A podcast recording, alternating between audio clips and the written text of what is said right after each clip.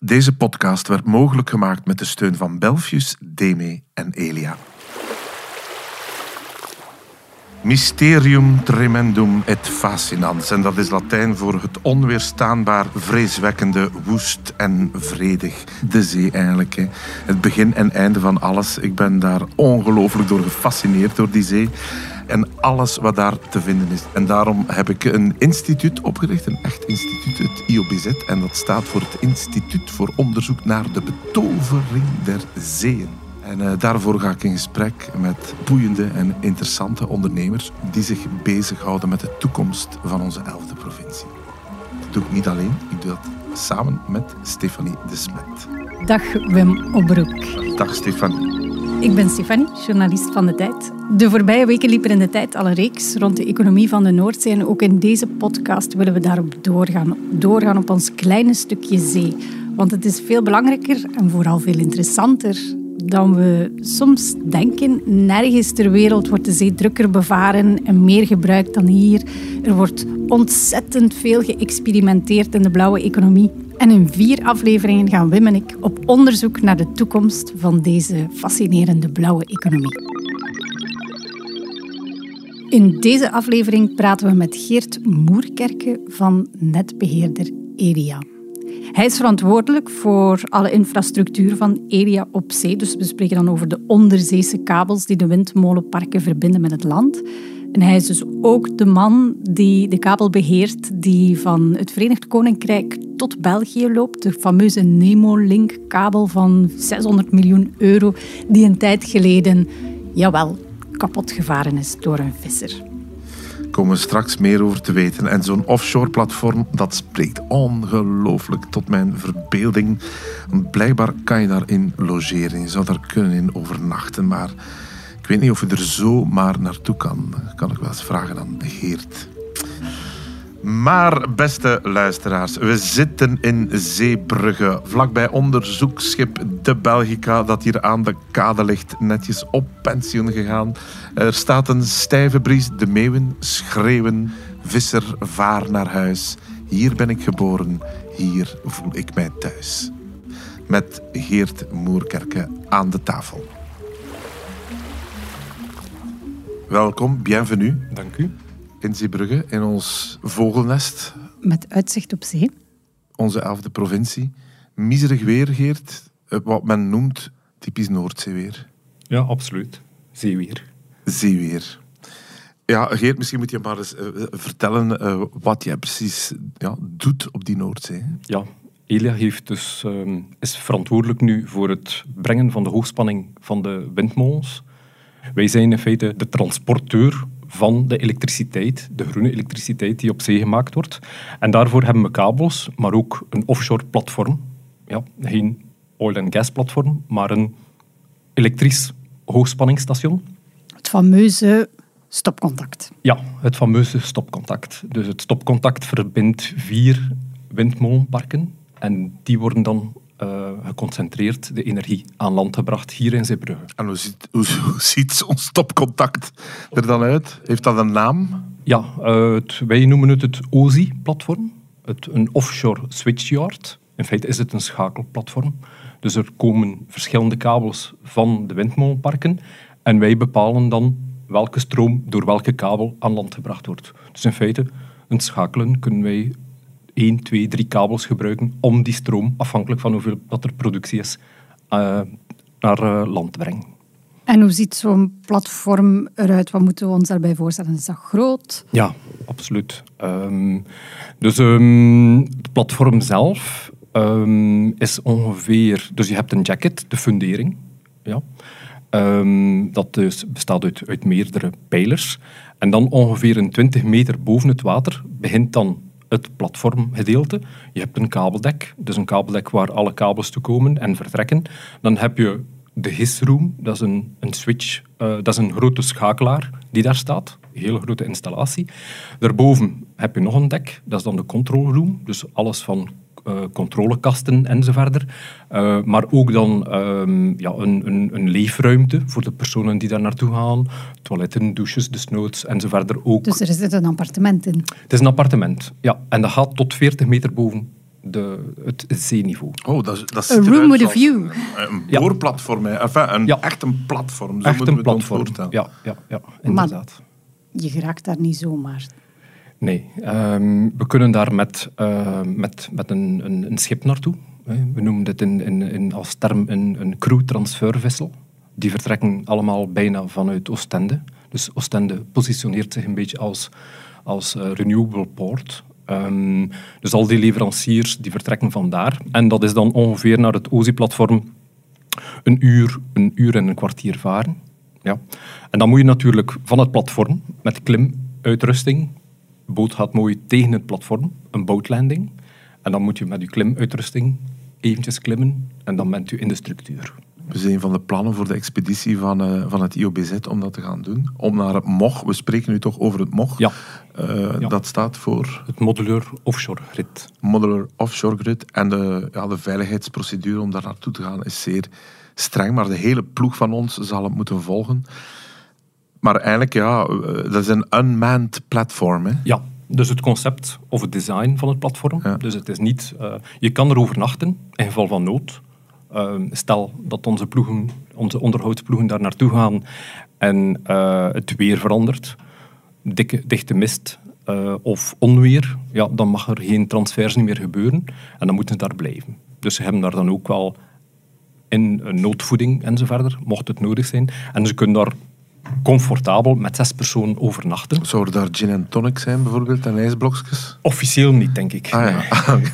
Heb jij daar alles eh, overnacht of een bi- gebivakkeerd? Niet op het mocht, nee. nee, nee. Maar wel op een ander platform? Ja, ja, ja, ja, ja. Oil and gas. eh, vroeger heb ik veel gedaan. Eh, en dan natuurlijk ehm, ja, ook heel veel schepen. Dus vooral op schepen. Maar ja, dat is in feite een beetje aan mijn achtergrond. Dus voor ik eh, bij Elia startte, heb ik in feite overal in de wereld eh, offshore projecten gedaan.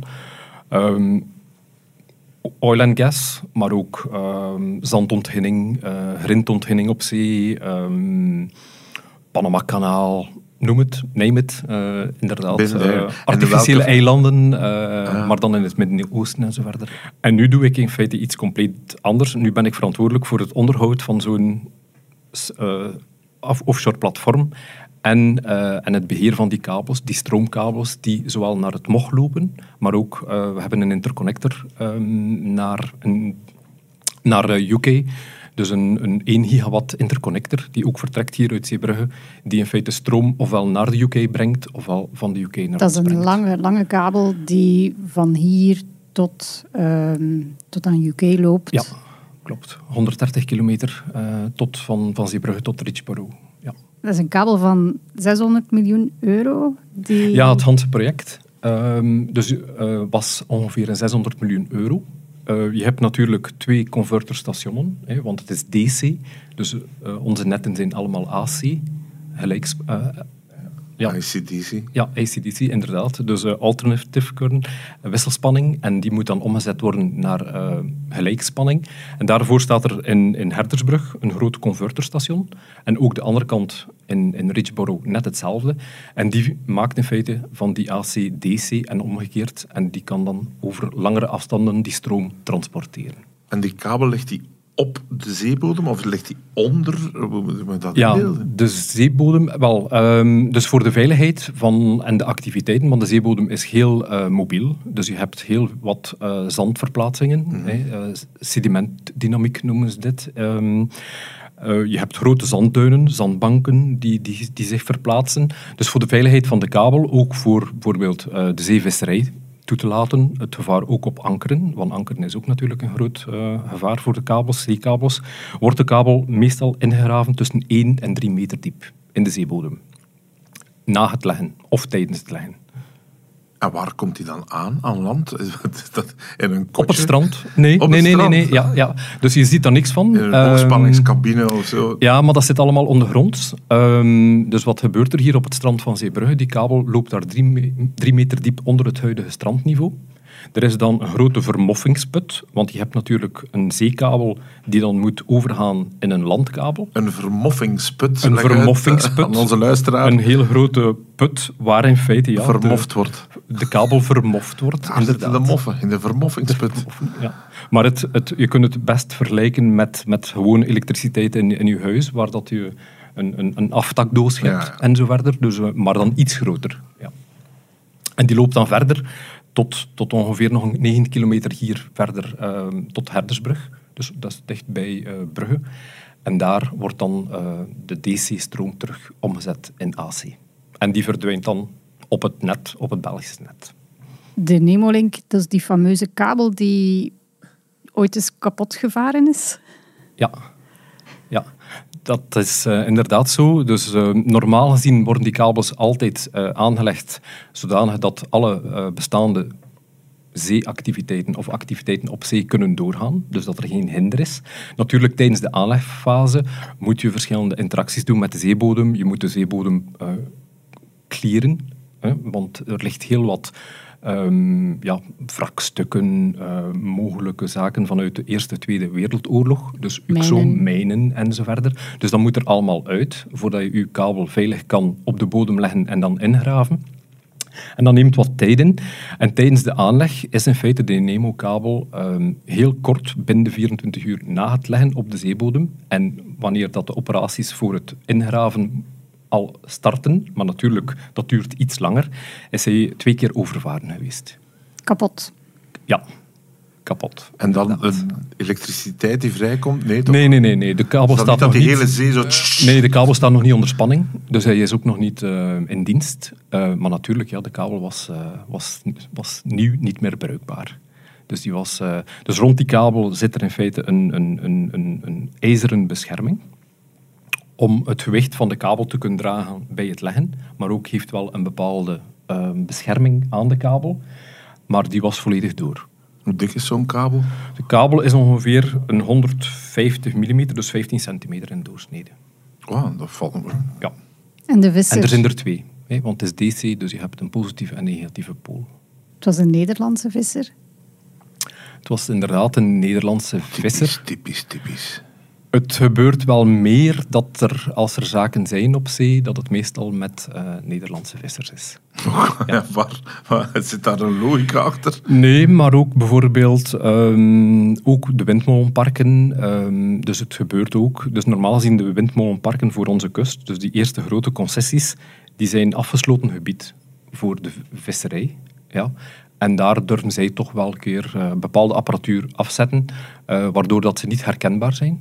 En hier bij de Nemolink kabel, dus ehm, er, zijn, eh, er zijn verschillende ehm, navigational warnings uitgezonden. Dus voor te zeggen van kijk, er zijn kabelinstallatiewerken tussen deze ehm, positie en deze positie. Gelieve daar niet te vissen en zeker ook bepaalde afstand van te houden.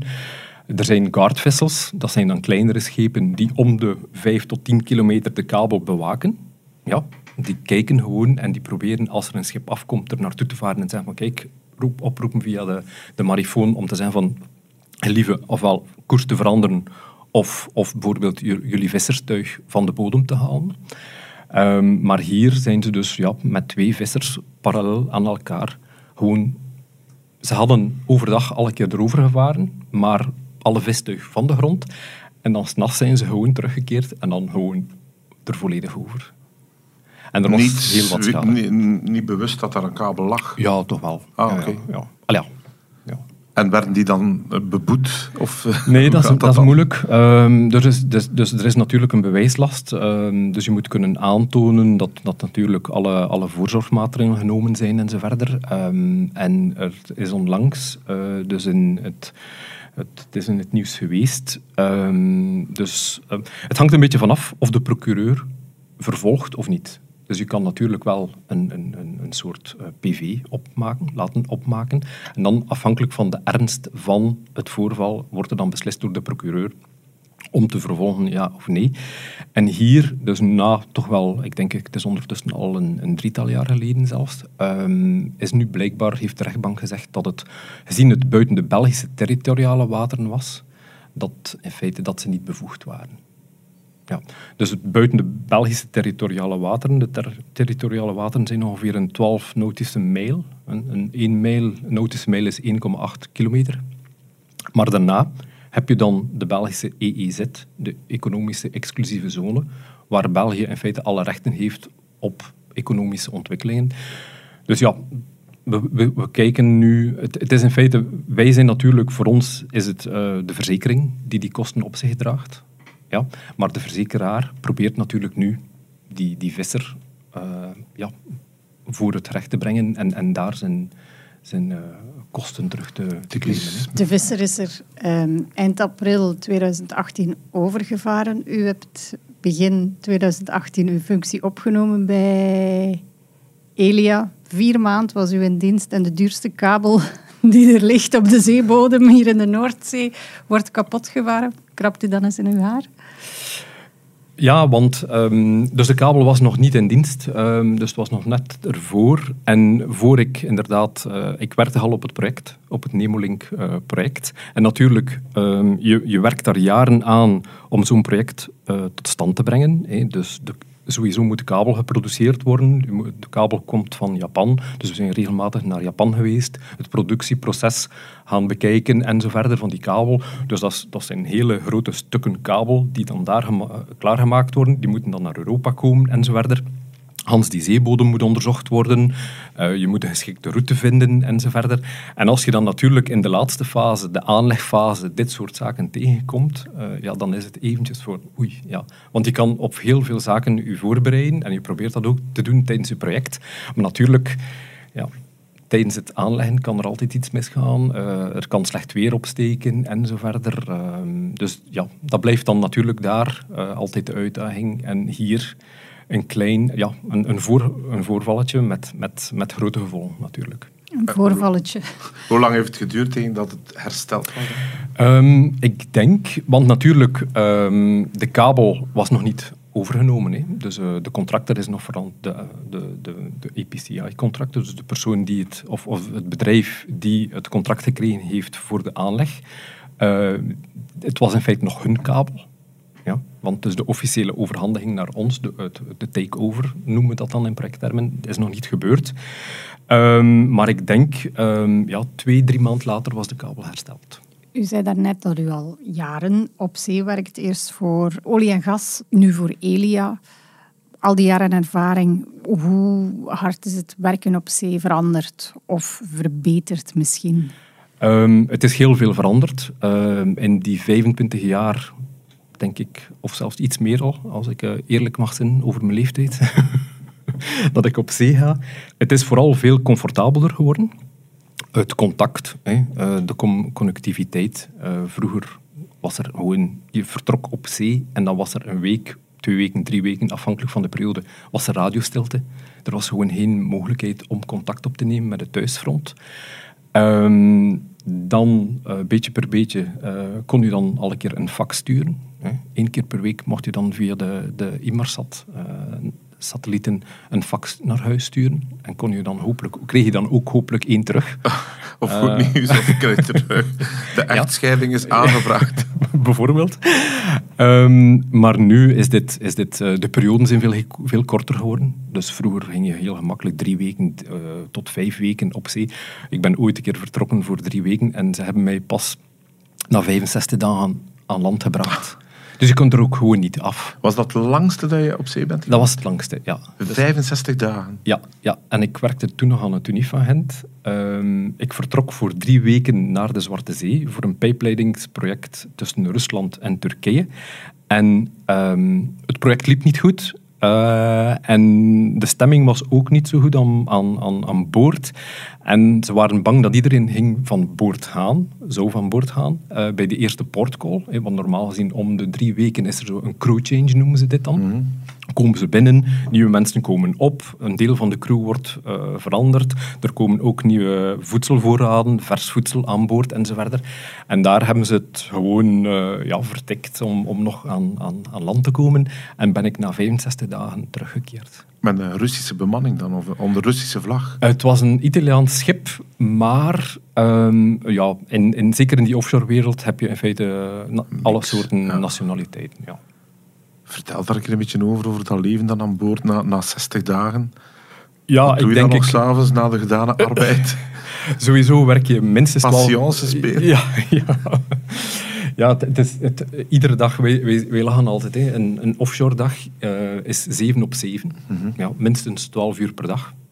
En je verliest in feite alle ritme, alle, alle notie van tijd. Dus een offshore dag, wij, wij zeggen altijd, het zijn allemaal maandagen. Maandag, maandagen. Ja. Dus het is allemaal dezelfde maandag.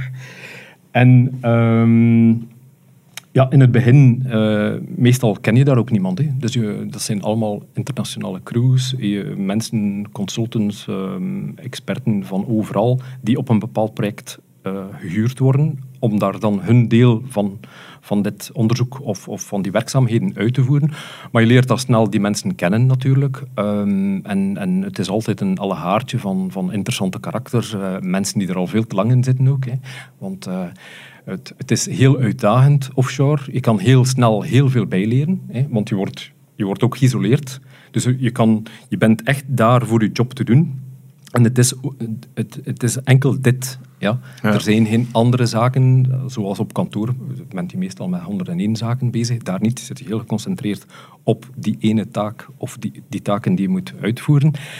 Eh, dus het is, je leert heel snel bij. Je kan je heel snel ook in de materie verdiepen en zo verder. Maar natuurlijk, ja, het, het, na een week of drie heb je het wel gezien. Ja? En dan, dan, dan verlies je echt wel alle, alle, alle notie van tijd. Dan, dan, dan, of je nu drie weken of, of vijf weken, ehm, het is ja, iedere dag hetzelfde ook. Dus je hebt je, je routines. Hè. Er zijn altijd meestal de shifts van zes uur s morgens tot zes uur s avonds, of van zes uur s avonds tot zes uur s morgens. En dan heb je uw, uw enige onderbrekingen zijn dan de momentjes dat, dat je naar de mes kan gaan en, en, en hopelijk iets lekkers te eten krijgt. Want dat is natuurlijk... eh, als dit dan nog levensbelang. Ja, ja dat is het. Dat is, dat, dat is het Heb je dan naar oog voor de, de, de schoonheid van de zee, de luchten, de Ja, toch zonsondergang? Ja, ja, ja absoluut. Hè. Ja, ja, ja, ja. Dus ehm, als je bijvoorbeeld aan de kanten meer naar Noorwegen gaat en zo verder, eh, de, oil en gas in de Noordzee, dan heb je die, die perioden in, eh, van, van midzomer, dus met, met waar dat je in feite de zon niet ondergaat. Dus dan moet je echt... Ja, want in het schip zelf kom je in feite niet buiten. Hè. Dus meestal zit je daar in, in, een- in een artificieel verlichte ruimte. En als je dan echt wel af en toe keer naar buiten kan, of op de brug van het schip, ja, zeker. Moet je zeker doen, want anders wordt, je, wordt het heel lastig. Wel Spartaans, zeg. Ja. ja. En natuurlijk dan, ja, het weer ook. Hè. Het, het, het speelt ook grote parten. Dus het kan zijn dat, er, dat de weersomstandigheden heel slecht worden, dat alle, alle werkzaamheden moeten gestopt worden en dat ze dan gewoon ter plaatse blijven of dat ze terug moeten transiten naar een veilige haven en zo verder. Eh, dat maakt het dan natuurlijk... Ja, eh, De, de zee fascineert natuurlijk ook, maar boezemt ook angst in. Hè? Heb jij al schrik gehad? Op zee meestal niet. Ook niet in heel zware stormen. Ehm, maar natuurlijk, het is wel indrukwekkend. Hè. Ehm, als je daar eh, met een boot van ongeveer een 100 meter tot golven van 12, 13 meter over u krijgt, dat, zijn, je kunt, eh, ja, dat is onvoorstelbaar, dat gevoel. eh, en die kracht en, en, en ook die wind, de- die geluiden die gemaakt worden. Ja. Heel, heel mooi.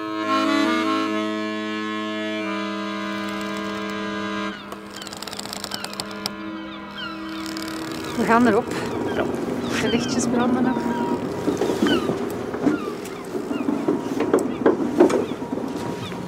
Maar welk onderzoek deed u op de Belgica? Wij deden vooral de opvolging van de zandontginning. In de Noordzee. Ja, hier voor de kust. Dus er zijn zandontginningszones. En die moesten opgevolgd worden voor hoeveel zand dat er weggenomen wordt. Komt dat zand terug en zo verder. Dus wij deden dat met Unie van Gent. eh, deden wij die opvolging van, van de zandontginning. En klopt het dat het zand opgeraakt? er waren locaties waar iedereen altijd op dezelfde locatie naartoe gaat. En natuurlijk, zand, het, het is een eindige bron. Hè. Eh, Het, het is niet, eh, allee, het is niet onuitputtelijk. Vandaar dat er toch wel eh, een volledig systeem moet opgezet worden om het op te volgen, om regels te bepalen en zo verder. Maar eh, ja, wij, wij mochten dus kijken van hoe verplaatsen die zandgolven zich, hoeveel zand gaat er weg in een bepaalde zone. En Kijk eens, binnen is er op die 17 jaar veel veranderd. Nee, niks. dat is volledig nog hetzelfde. Ja. Ja, ja. En de mooiste locatie is daarboven. De Monkey Bridge. Dus als je eventjes tussen twee shiften door, kon je dus daar boven zitten, had je een prachtig uitzicht. Uh, beweegt wel heel veel, maar zat je in feite rustig op, het, op zee. En waarom Monkey Bridge? Boven de brug noemen ze het. Ja, de aap die daar kruipt. Uh, ja, dat was hier een, een, plaats waar dat je in feite een beetje rust had. Hè, want op een schip, het is een kleine oppervlakte, iedereen loopt een beetje, komt overal en zo verder. En als je echt eventjes wou uh, ontsnappen en volledig opgaan uh, in, de, in, in de zee of in, in, het, in het omgeving van de zee, dan kon je naar hier komen. En uh, als het dan echt heel mooi weer was, dan kon je zelfs een, een hangmat eventjes uithangen hier. En kon je echt genieten van, van de rust op zee. Lijkt me toch niet zo ideaal op, op een bewegend schip en een hangmat. Klopt, klopt. Uh, wordt heel, heel snel heel ziek door. Maar uh, ja, het was meer, denk ik, de mindset hè, van ontspanning, eventjes in de hangmat, offshore. maar inderdaad, meestal geen goed idee.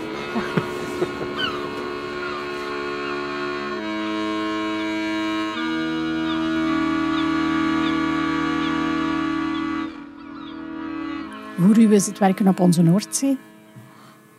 Um, het, het, het, is heel wispelturig. Um, je moet er altijd respect voor hebben, zou ik zeggen. Dus um, ook, uh, wij gaan wekelijks naar het MOG met onze teams.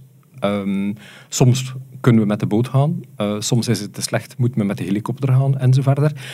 Um, de transittijd uh, is ongeveer een uurtje, een uurtje en een kwartier. Dat is uh, ruim voldoende om heel goed zeeziek te worden. Ja. Um, dus afhankelijk van uw, uw gemoedstoestand, hoe, dat je fit bent, uh, een maandag of een vrijdag misschien, kan het zijn dat je heel snel zeeziek wordt. En natuurlijk, dan begint het pas. Hè. Dus dan moet je nog uh, op, het, op, het, op het platform klimmen, je uitrusting aan en afdoen, wat ook soms al, hè, die survival pakken. Als, de, als de zeewatertemperatuur minder dan 12 graden is, moeten we speciale pakken aandoen. Mochten we in zee terechtkomen, dat we toch kunnen een bepaalde overlevingskans hebben en zo verder.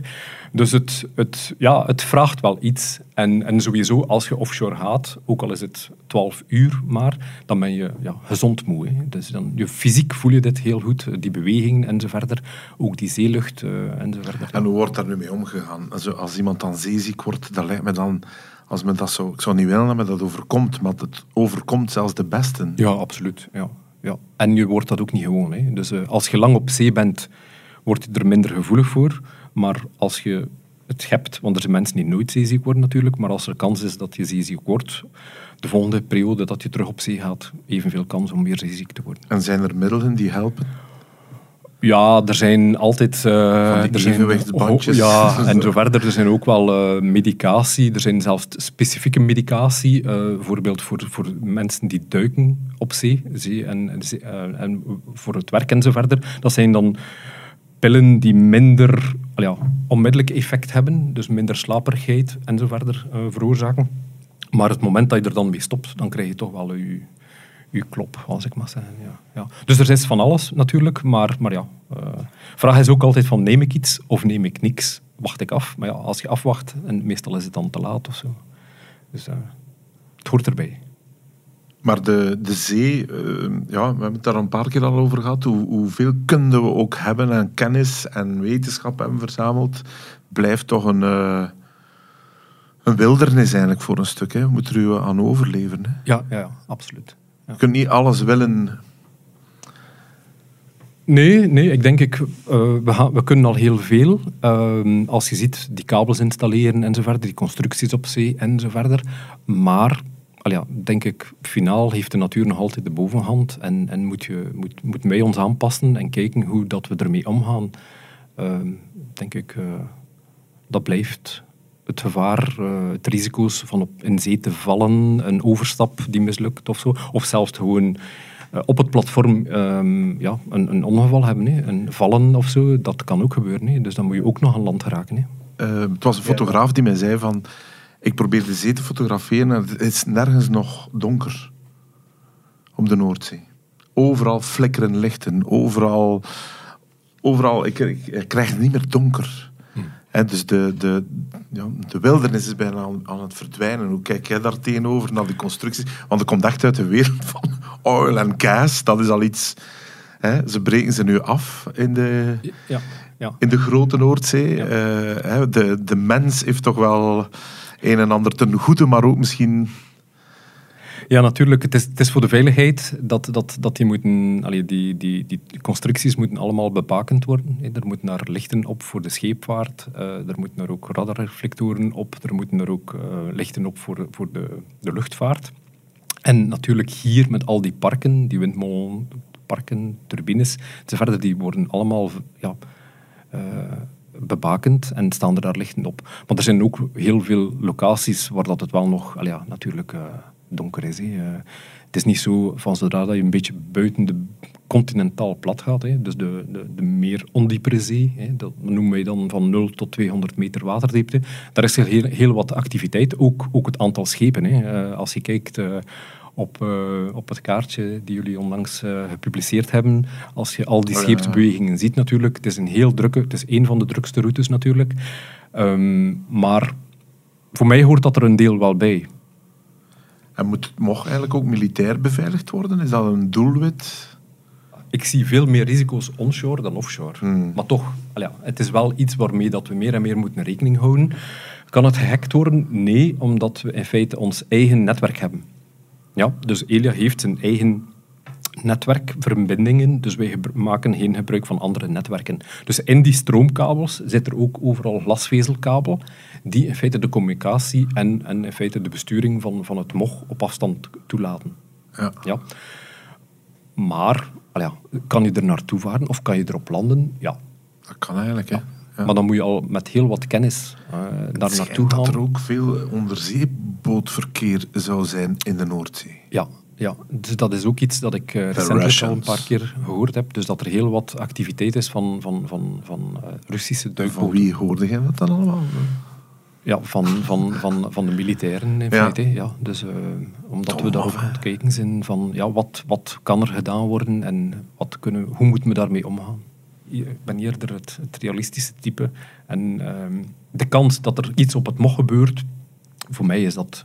In feite, het, het grote voordeel is, het is windenergie. Dus in de, in de productie, in de dagdagelijkse productie van, van, of de energiemix dat we nodig hebben, Is dat geen enorme wel, we gaan, we gaan er altijd vanuit dat het morgen geen wind kan zijn. Ja, dus het heeft niet de criticiteit van een, van, een, van een kerncentrale. Want als je zegt van morgen is die kerncentrale eruit, ja, dan zou je kunnen een groot probleem hebben. Hier is het eerder volatiel. Hè. Er is veel wind, er is weinig wind. Of en ik denk, ik, als, als target zelf valt dat wel mee. Maar, maar ja, natuurlijk, je moet je wel, we houden er wel rekening mee bij het ontwerp. Hè. Hoe moet je op zo'n platform komen? De deuren zijn ook altijd gesloten. Ja. Eh, er zijn detectiesystemen als er daar iemand landt of eh, er zijn overal camera's. Eh, er zijn detectiesystemen, dus we gaan het wel weten. Beste Geert, dit komt uit Jozef Conrad, ken je dat? De schrijver Jozef Conrad, De Zee in Spiegel. Een aanrader voor lezers. Eh Jozef Conrad heeft The Heart of Darkness geschreven, waarop de film Apocalypse Now is gebaseerd.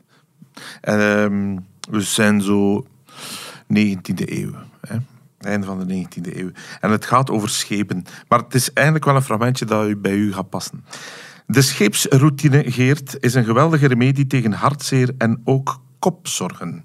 En ik heb haar de meest getroubleerde gemoederen zien kalmeren, althans voor even.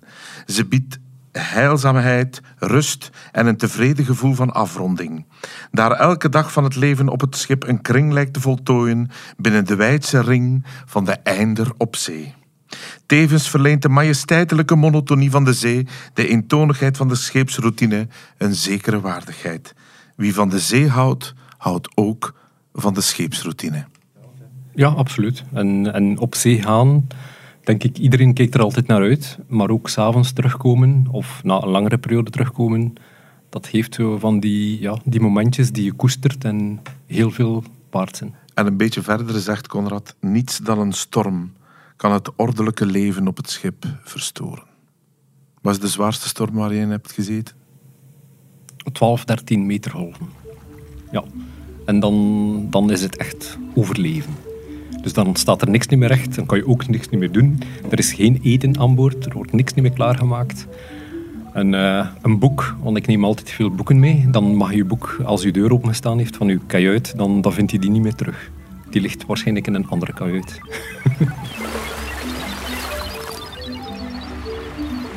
Dit was Expeditie Noordzee. Alle afleveringen zijn te herbeluisteren via de geëikte kanalen. En wil je meer weten over de zeeconomie, ontdek dan nog eens het volledige dossier op de website van De Tijd. En over het EOBizit ontdek je ook alles op hun website. En ik heb voor Geert uh, ook nog een lied gezongen, een lied over hard labeur op zee. Howlin' the Bowlin'.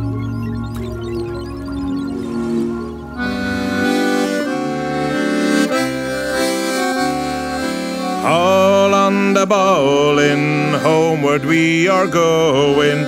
All on the bowling, the bowling hall. All on the bowling before she starts a rolling. All on the bowling, the bowling hall. All on the bowling, the captain is a growling. All on the bowling, the bowling, all on the bowling. So early in the morning, all on the bowling, the bowling. All on the bowling to Bristol we are going.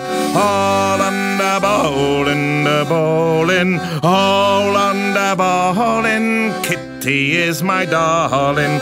All on the bowling, the bowling, all on the bowling. Kitty comes from Liverpool. All on the bowling, the bowling, all on the bowling. It's a far cry to payday. All on the bowling, the bowling, oh.